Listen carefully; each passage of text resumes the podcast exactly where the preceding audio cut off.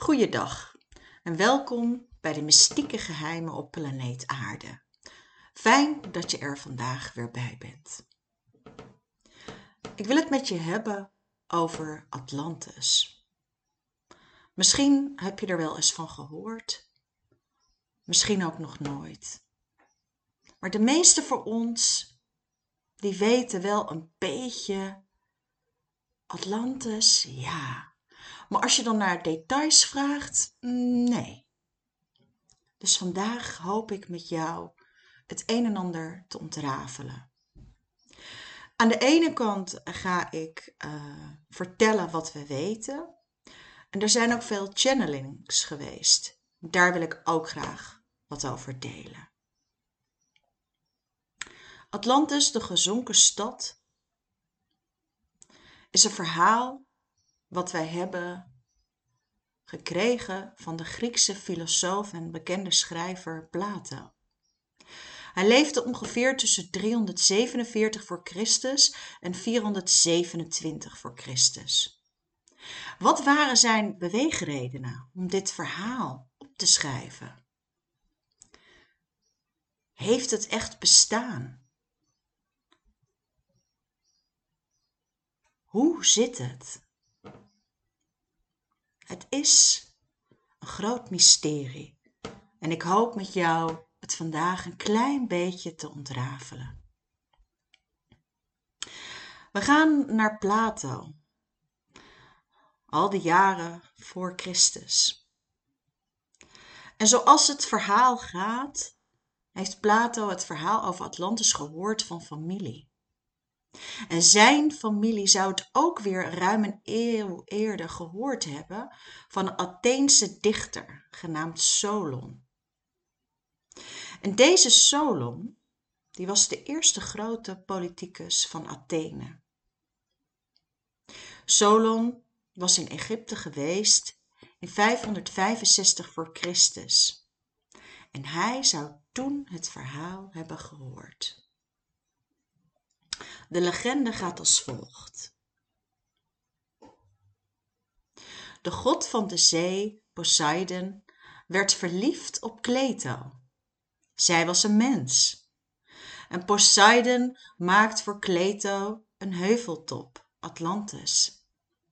De kinderen van Poseidon en Kleto gaan op de heuvel wonen. En zij krijgen allemaal een deel van de heuvel de heuvels op Atlantis die centraal liggen en de omgeving daaromheen wordt toebedeeld aan Atlantis, de eerste koning. De heuvel van Atlantis bevond zich in het midden van de Atlantische Oceaan. Dit was 11.000 jaar geleden. 9000 jaar voordat Plato het hoorde. Volgens Plato zag Atlantis er als volgt uit. Het had een stadskern van een diameter van 1,7 kilometer. Er waren kanalen van 9 kilometer lang. In het noorden van Atlantis waren bergen. En op Atlantis leefden heel veel dieren. Atlantis begon een corrupte plaats vol machtsmisbruik en hebzucht te worden. Ik ga daar nog op in. En daarom besloot de oppergod Zeus samen met de andere goden dat Atlantis gestraft moest worden. Het eiland moest verdwijnen in de zee. En zo geschiedde. Aardbevingen en vloedgolven zorgden ervoor dat Atlantis door de Atlantische Oceaan werd opgeslokt.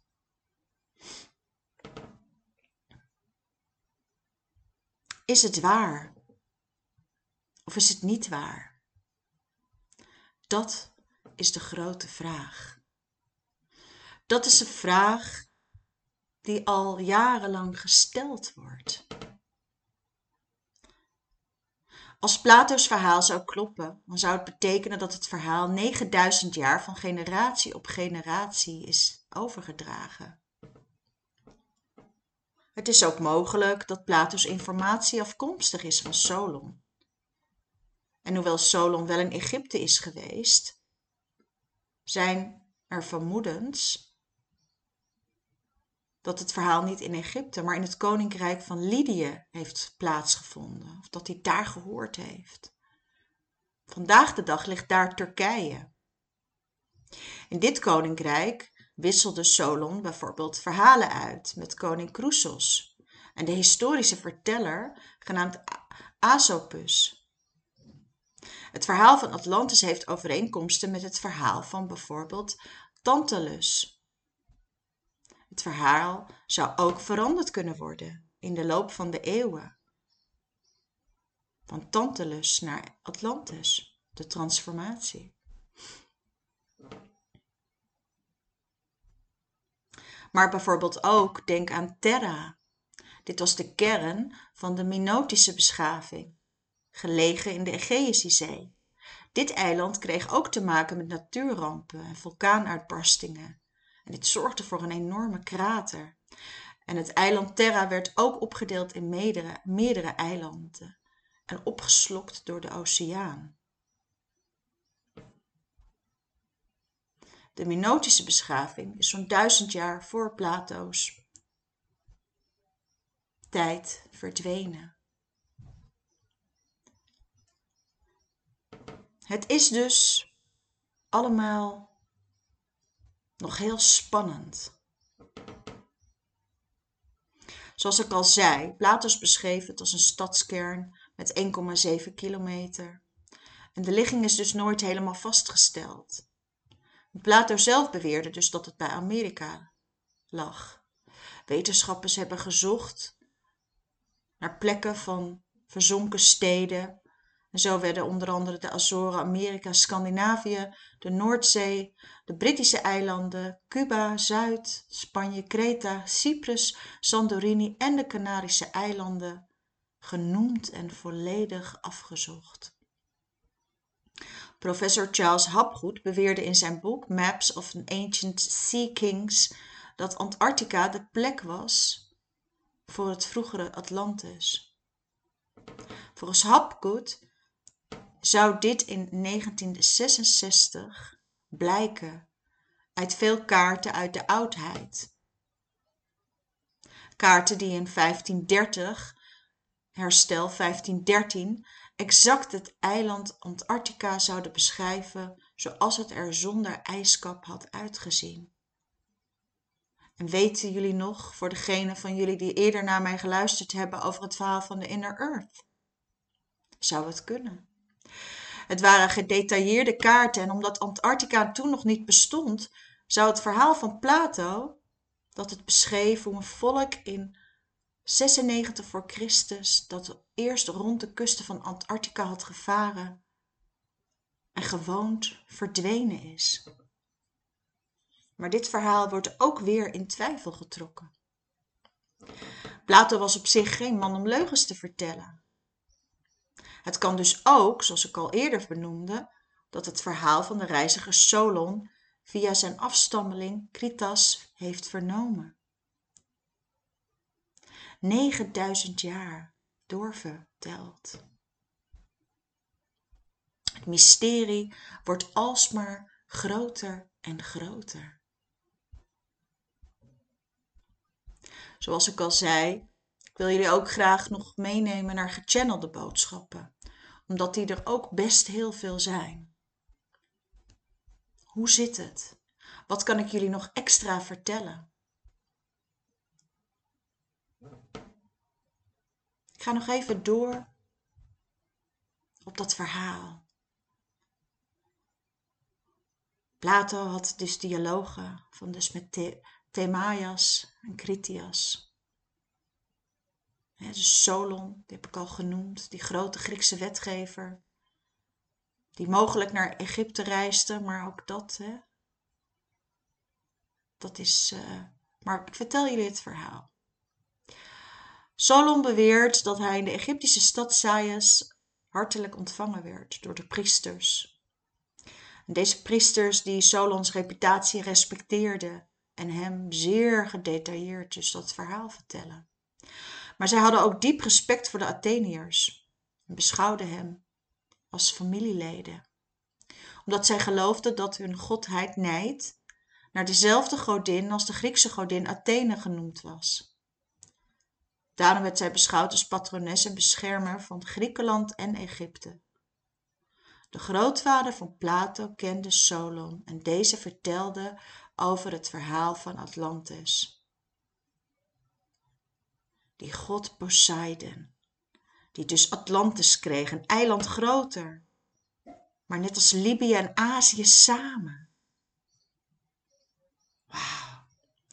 Die Poseidon, die god van de zeevaart en de eerste die de paarden kon temmen. Het verhaal gebaseerd uit de dialogen van Plato. En dit wat hij vertelde over de overgang. Poseidon is degene die aardbevingen kon opwekken met zijn drietand, die hij ontving van de cyclopen. Zijn broer Zeus kreeg de hemel, samen met een bliksemschicht. En Hades kreeg de onderwereld, samen met een helm. Hera, Hesta en Demeter waren Poseidons zusters. Poseidon werd verliefd op die sterfelijke vrouw, zoals ik al benoemde, Kleto.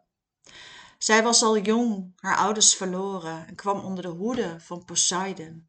En Poseidon was al geraakt door haar schoonheid vanaf het allereerste moment toen hij haar zag. En toen ze oud genoeg was, maakte hij haar tot zijn vrouw. En samen met haar begon hij de koninklijke familie van Atlantis. En Poseidon die bouwde een paleis op de allerhoogste heuvel in het centrum van het eiland. En het huis stond op de allervruchtbaarste vlakte, begrensd door de zee, stel je eens voor. En ter bescherming van zijn geliefde vrouw omringde hij het paleis met vijf concentrerische ringen van water en land. De omschrijving van het eiland zoals Plato het beschreven heeft, is als volgt. Op de heuvel waarop zij woonde, een goede afsluiting om die dat te geven, groef hij rondom met gordels, zee en aarde, twee van aarde en drie van zeewater. Kan je het je voorstellen? Alsof er een draaiende beweging werd gemaakt vanuit het midden van het eiland. Het eiland was zo vervaardigd dat het onmogelijk was om het aan te vallen. Hij bouwde bruggen die de overgang maakten naar land en naar het paleis. Hij liet vanuit de aarde twee bronnen opwellen, waarvan de een warm en de ander koud water gaf. En ook deed hij allerlei soorten voedsel in overvloed uit de aarde ontspruiten. De bossen gaven genoeg hout en er waren delfstoffen als goud en mineralen. Er leefden wilde en tamme dieren op het eiland en hele kuddes met olifanten die allemaal in hun behoeften werden voorzien. Bloemen en gras bloeiden er weelderig en vruchten die waren er en alles wat geteeld kon worden werd geteeld. In het midden van het paleis stond een heiligdom op gewijde grond dat aan Poseidon en Kleto toebehoorde. Eromheen was een muur van goud opgetrokken, omdat daar de tien koningsgeslachten verwekt en gebaard waren. Kleto baarde tien zonen, vijf keer een tweeling. Atlantis, excuus, Atlas, was de allereerste zoon genoemd naar het eiland en naar de Atlantische Oceaan. Er werd elk jaar een enorm feest gemaakt. Er waren meerdere feesten en er waren offers van vruchten van alle jaargetijden. En de tempel was aan de buitenkant geheel met zilver bekleed. De kantelen van goud, het interieur, zuilen en muren waren bekleed met orsalium, goud, zilver en ivoor. Er waren gouden beelden en een daarvan was God, staande op een wagen als menner met de zes gevleugelde paarden. Er waren honderden zeenimfen, nereiden genoemd, op dolfijnen in een kring eromheen geplaatst. En buiten de tempels stond ook, stonden gouden standbeelden. En alle koningen die van de eerste tien afstamden, met hun vrouwen. En er waren ook afzonderlijk baden voor de koningin, de burgers en aparte baden voor vrouwen. Andere voor de paarden en voor de overige lastdieren. En elk bad was ingericht gelang zijn bestemming. En dit is nog maar de korte beschrijving in de dialogen van Plato. Vanaf het begin dat het paleis er was, werd het van de een op de andere generatie doorgegeven en de heersige koningen overtroffen de voorgangers, zoveel als ze konden, totdat het eiland was geschapen, dat door zijn omvang en schoonheid oogverblindend was. Torens werden er gebouwd en havens. Er schijnt een stof geweest te zijn die meer waard was dan goud. Orisahalem. En deze schitterde. De muren van het paleis waren gemaakt van die stof en het schitterde als vuur. Er was een wet van kracht dat Poseidon zich niet mocht mengen in de heerschappijen van de koningen die zoons van zijn zoons waren. Hij mocht onder geen beding een oordeel vellen over de heerschappij van de koningen die aan de macht waren. Generaties lang leefde men dus rustig en voorspoedig op het eiland. En er kwamen steeds meer goden en mensen van buiten het eiland wonen. Aan alle behoeftes werd voorzien, de mijnen, de velden, de bossen. Men gaf alles wat nodig was en niets werd geïmporteerd. Dit was mogelijk omdat alle kanalen en het eiland zo gebouwd was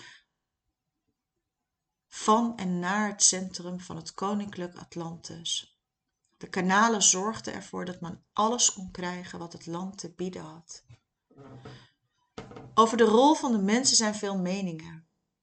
In de dialogen wordt vermeld dat de mens in het begin van de tijd ook was geschapen om te dienen, te dienen als slaaf voor de goden. De mens werd niet in de trant van echte slaaf behandeld. Integendeel, er werd goed voor de mens gezorgd. De mens was er om te zorgen dat de goden niets ontbrak, maar ook de dierenplantages en andere werden onthouden onderhouden en daar kregen ze veel voor terug. Eten, drinken, kleding en er werd gezorgd voor alles. In die tijd zag men bijvoorbeeld goud niet zoals men er nu naar kijkt. Het was niet zo belangrijk voor de mens. En gedurende vele generaties, zolang hun goddelijke aard nog voldoende kracht had, onderwierpen de goden zich aan de wetten en waren zij in hun hart geneigd zich naar hun goddelijke afkomst te schikken want hun hart was in alle opzichten gericht op waarheid en edelmoedigheid. En zij stonden zachtmoedig en wijs tegenover elkaar in alle omstandigheden. Ze lieten altijd zich leiden door het verlangen naar de ware deugd. Ze werden niet dronken van weelde en nog van rijkdom. En door deze houding werd hun rijkdom alleen maar groter. De pure kracht van liefde. Maar toen men zich steeds meer ging mengen met de mensen, begonnen hun goddelijke krachten in te boeten. Het menselijke gedeelte in de goden kreeg overhand. En daardoor waren ze niet meer in staat om de wilde te dragen en verloren zij steeds meer van hun krachten in de ogen van hen die het nog wel konden. Ze werden lelijk, want ze hadden hun kostbaarste eigenschappen verwaarloosd doordat ze vervuld waren met onrechtmatige hebzucht en macht en geen oog meer hadden voor waarheidslievende en gelukzalige levens.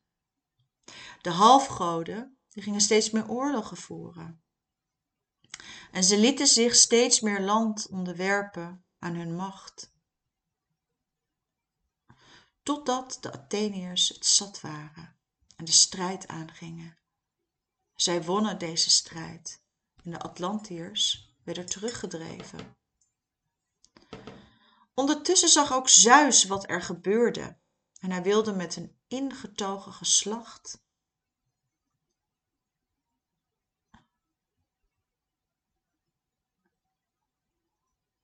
dat dit ingetogen geslacht dat tot een minder waardige staat was vervallen een straf opleggen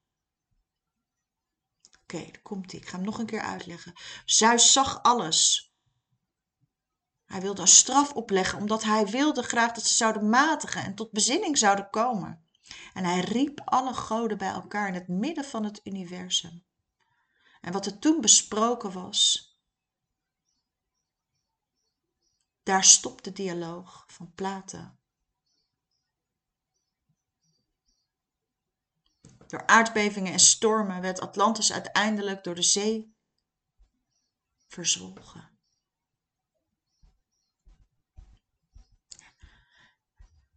Interessant hè? De zee werd verzwolgen. De zee werd niet verzwolgen. Dus als je kijkt naar de verhalen, want er zijn er vele, er zijn veel mysterieën. Dit is het verhaal zoals het ons gedeeld is. Atlantis. Je kan je afvragen: is het een waar verhaal? Of is het een mythe? Zoals jullie weten hebben we natuurlijk al vaak hierover iets gedeeld. Ik wil graag nog één ding met jullie delen. Zoals ik jullie al zei, zijn er heel veel plekken op de aarde afgezocht. Twee jaar geleden hebben ze mogelijk iets ontdekt zou ik graag nog voor nu willen vertellen. Want er valt heel te veel te vertellen over Atlantis. En eigenlijk valt er niets te vertellen. Want het zijn heel veel aannames. Het zijn channelingen. En we weten het eigenlijk niet. Maar dit wil ik met jullie delen. Op de bodem van de Atlantische Oceaan, zo'n duizend kilometer ten westen van de Afrikaanse kust, bij de Canarische eilanden. Bij de Canarische eilanden heb ik jullie gedeeld, daar is gezocht hebben ze twee jaar geleden mogelijk iets gevonden, mogelijk. Een Engelsman, Bernie Bamford, deelde dit. Het lijkt op een enorme onnatuurlijk ogende rechthoekige formatie met scherpe lijnen als buitenlijnen, met de binnenzijde een soort netwerk van scherpe rechte lijnen en rechthoeken, afgewisseld met schuine rechte lijnen het eerste gezicht lijken het een soort wegen, kanalen of muren. Maar het is apart, het is vreemd. Het onderwaternetwerk vormt zich in de vorm van een rechthoek zo'n 100 mijl bij 70, oftewel 17.000 kilometer.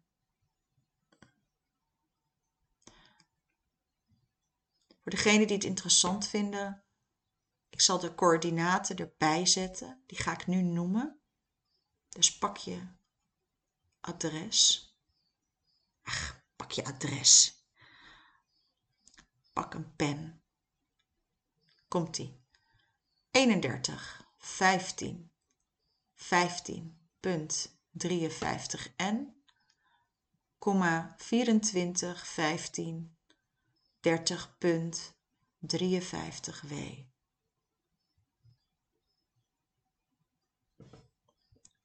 Ga er maar eens naar kijken. Dr. Charles Urser, hij is een curator van de historische archeologische afdeling van de New York State University, heeft in 2009 al aangegeven dat het overblijfselen zouden kunnen zijn van het, het verloren eiland Atlantis, dus genoemd in de dialogen van Plato. Als er ook maar iets van waar is, dan is dit mogelijk de moeite waard. Maar Google heeft de vondst en de formatie als niet bestaand verklaard. Google heeft gezegd dat schepen die de bodem meten en in kaart brengen, dat daardoor strepen zijn. En Google beweert dat het scheepstrepen zijn. Daarom is het belangrijk om het voor jezelf, kijk het gewoon ook na. Is het waar? Is het niet waar? Eerlijk gezegd, op dit moment is er niet een volledige, rationale verklaring van Atlantis. En alles wat ik nu met jullie nog zou kunnen delen, zoals ik al aangaf, zijn eigenlijk channelings. Maar het verhaal, het eerste verhaal, wat Plato heeft op laten tekenen, de filosoof, dat verhaal heb ik vandaag met jullie mogen delen. En ik ben ontzettend benieuwd wat jij ervaart en ziet op het moment dat je kijkt naar de plaatjes, zo'n duizend kilometer uit de kust. Wat voel jij daarbij?